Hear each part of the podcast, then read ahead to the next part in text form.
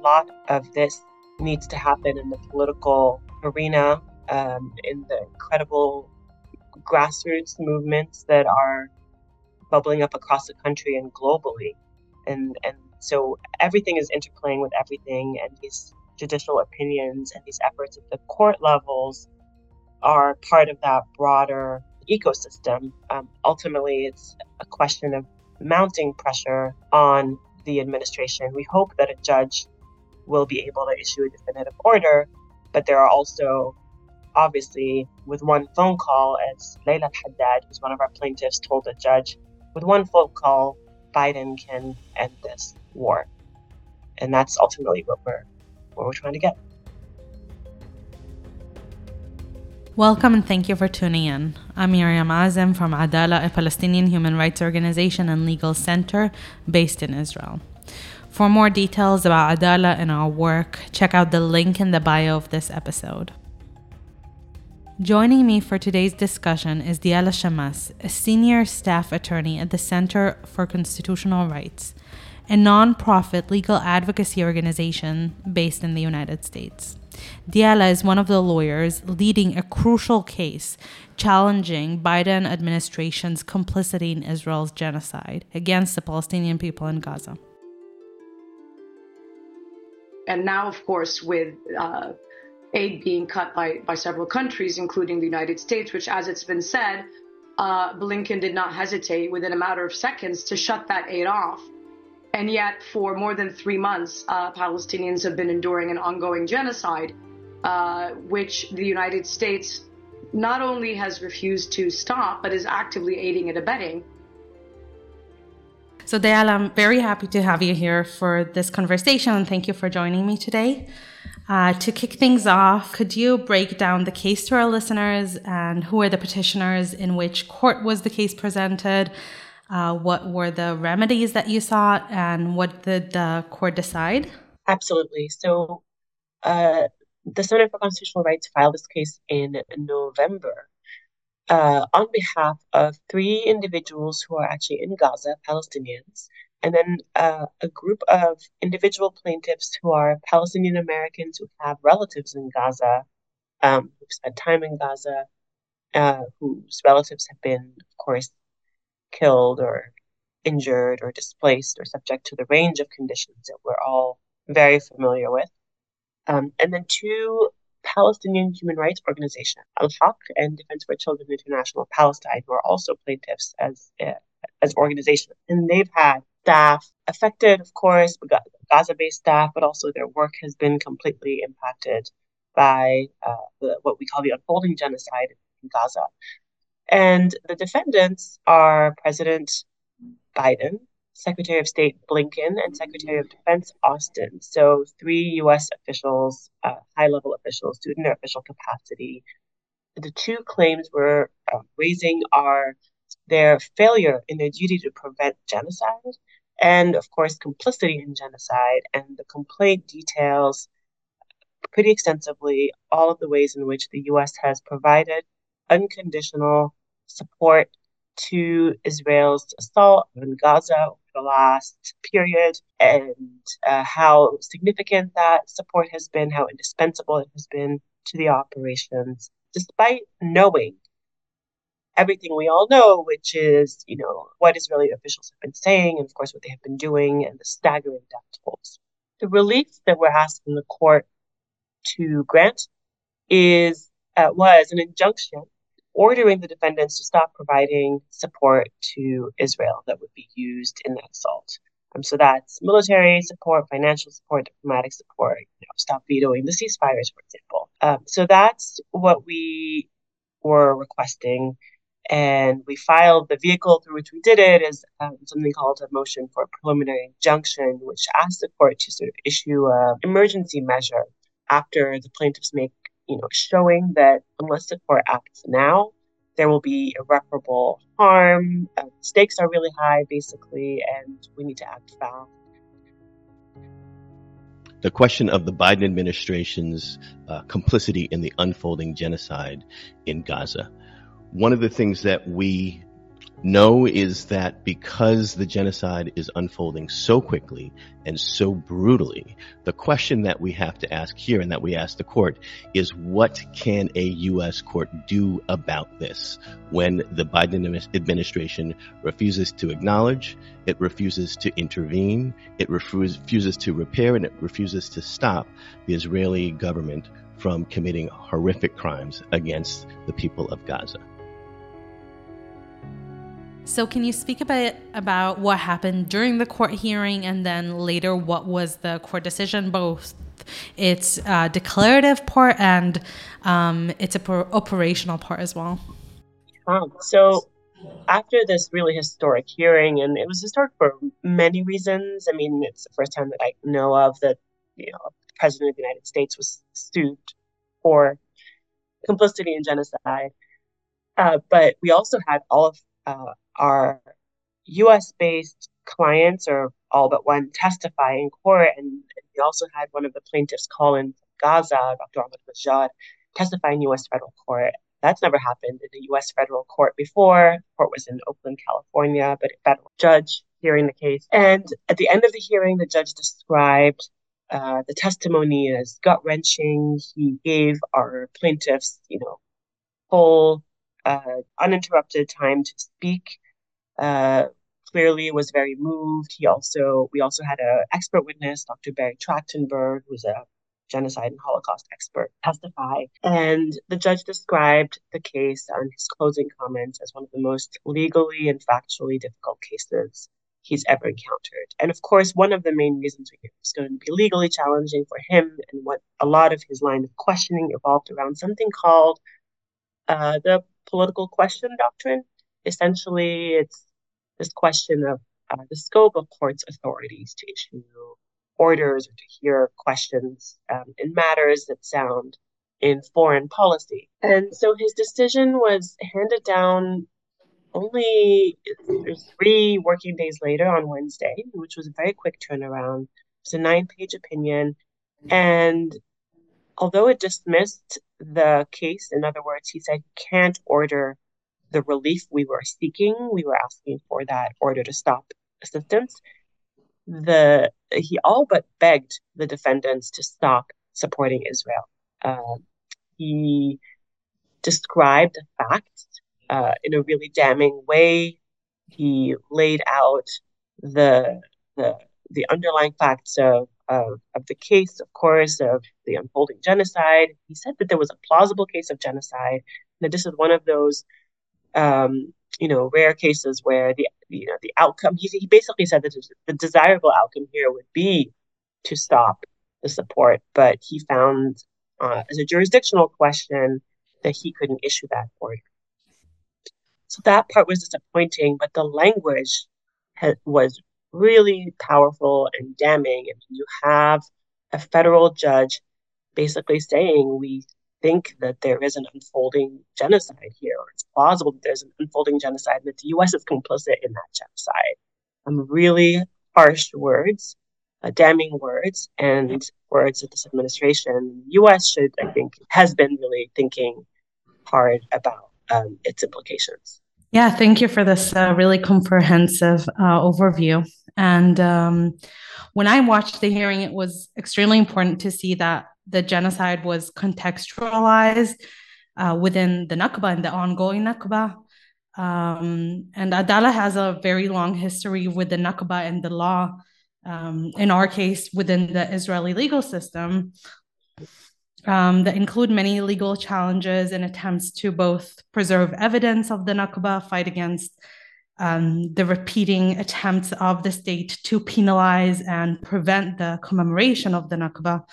And in this respect, I wanted to ask you um, what strategic value, if any, as the legal team was um, put into uh, in highlighting the Nakba? And do you think that the Nakba and the ongoing Nakba are so intrinsic to the Palestinian experience that addressing um, it became imperative when discussing the current genocide in Gaza?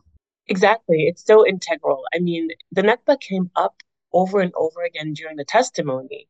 And it came up either because, you know, our, our witnesses who are the plaintiffs needed to explain to a US court that was unfamiliar with Palestinians and, and our fragmentation, you know, how they ended up being born in Kuwait, for example, but were speaking to the court from the US um, and explaining that their family was dispersed in 1948.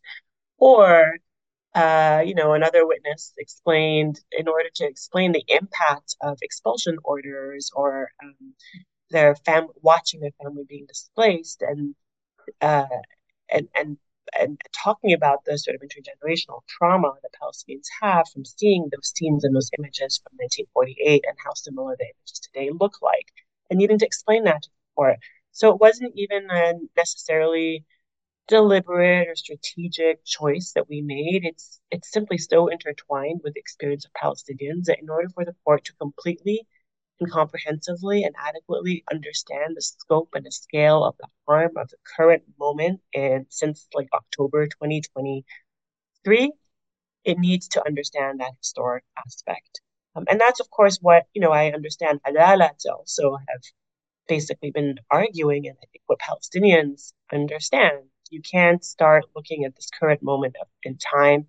You're doing a disservice uh, to to efforts to find you know solutions or to get out of this current moment if you don't actually place them in the appropriate context and describe how we got here um, it simply couldn't be adequately described whether it was by way of introductions and explaining you know someone's biography or by way of substantively describing the harms and the injury without understanding what happened to Palestinians in 1948. So that was really powerful. I can't think of another time the word Nakba was said in a US federal court. Um, the judge seemed to kind of understand it. There were no objections there, about its inclusion because it was necessary. And, you know, we saw a similar thing happen at the ICJ, of course, uh, with the the South Africa presentation starting with 75 years of apartheid. Um, I think all of this is in recognition of the necessity of understanding that context to be able to understand how we got here. And as we've said, if you want to be engaged in any kind of conversation around accountability or solutions moving forward, or simply um, understanding what it is that's happening in order to be figuring out what to do next, you have to properly understand it. You have to properly look at the context, and that includes 75 years of Nakba. Um, yeah, and on the point that you brought up with the ICJ, uh, I wanted to kind of ask you to explore a bit the interplay between uh, the ICJ's proceeding and the proceedings before uh, the U.S. federal court on the same day that the um, that the decision in the ICJ's proceedings came out. You had the hearing. Uh, what was the effect, and was there any interplay between the two? Yeah, it was no formal interplay. Of course, these are two entirely separate proceedings, but lots of, I'd say, atmospheric interplay. I mean, we were uh, rushing to read the decision as it came out. It was 4 a.m. California time when when the, ICJ opinion was issued. We were trying to read it, and then we just submitted it to the court so that the judge would have the benefit of that opinion as, as he presided. Our, our hearing started at 9 a.m., so not much time there. Um, it was powerful to walk into the courthouse with that validation. Um, and I think the, the judge mentioned it and acknowledged it, and I think was sitting with the fact that the World Court had just also found a plausible case of the genocide is, you know, un- unfolding. And as I mentioned earlier, but uh, just to put a T on it, um, the two cases, our case and the South Africa case at ICJ, are in these parallel postures. In both situations, procedurally, what we're doing is saying, you know, the the court needs to act fast because the injuries are happening so quickly that if we if we go wait for the usual course of proceedings to happen, which could take years, it'll be too late. In the context of a genocide, everybody would be gone, basically, or too many people will be gone. And so asking the court for to find this lower threshold, right? This sort of plausibility finding, to J context, um, to to issue an order. So so it, it had, I think, an impact atmospherically, and then the judge included that in his opinion. um, and validated it in his opinion. Of course, there's no one to one correlation, there's no direct impact, um, but I think it's a really powerful example of how all of these efforts bolster each other. You know, right after the South Africa decision, everybody turned to the U.S. as the first complicity case, right? Because of course the U.S. isn't on trial at the ICJ, Israel is, um, but the U.S. is the biggest supporter for the Israeli government, and so for the world to then look at this complicity case, and then we're going to turn back to the ICJ to see what happens when Israel, you know, is set to file its, its filing, and then who knows what we see in other European countries. I think all of these efforts are uh, building upon each other. Yeah, so talking exactly about that, about future efforts, um, can you maybe tell us a bit about how um, the extremely important determination of the court, uh, of the US court, could help in challenging uh, US's support for Israel's genocide and other illegal proceedings or in other matters outside of the legal sphere? Yeah, I mean, I don't, we should really not uh, understate the significance of a federal court judge issuing the damning language that we saw in that opinion, you know, usually very reticent judges to say something like that. But that's exactly what the complaint um, and the testimony showed. And so it's really powerful. Anybody, you know, in the sort of legal community, people who are usually very skeptical of, of international law or these kinds of cases have been reaching out saying, wow, like this is a really big deal uh, that this judge said this, and I think is is is getting more people to talk about it. This concern is being taken more seriously in circles that had previously been trying to avoid the question of U.S. complicity um, and the question of genocide, and now are forced to speak about it. Um, we also saw uh, officials get questions about the court's language uh, at a press conference, for example. Uh, we're also seeing activists use it to bolster their existing campaigns and saying now we have yet one more validating voice, you know, a, a, and a federal court judge nonetheless to this claim. You have to take us seriously. You know, there's so many incredible local efforts in the U.S. You know, municipal level, city level, state level initiatives for ceasefire, and they're using that language um, as well as the ICJ language.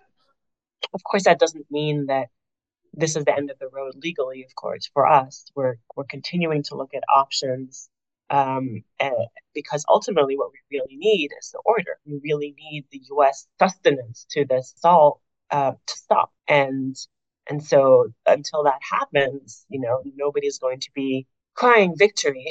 Um, but we also recognize that uh, a lot of this needs to happen in the political arena um, in the incredible grassroots movements that are bubbling up across the country and globally.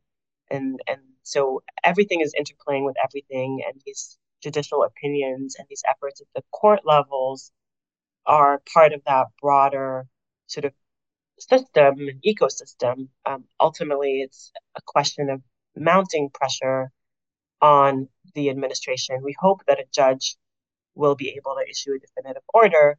But there are also, obviously, with one phone call, as Leila Haddad, who's one of our plaintiffs, told the judge, with one phone call, Biden can end this war.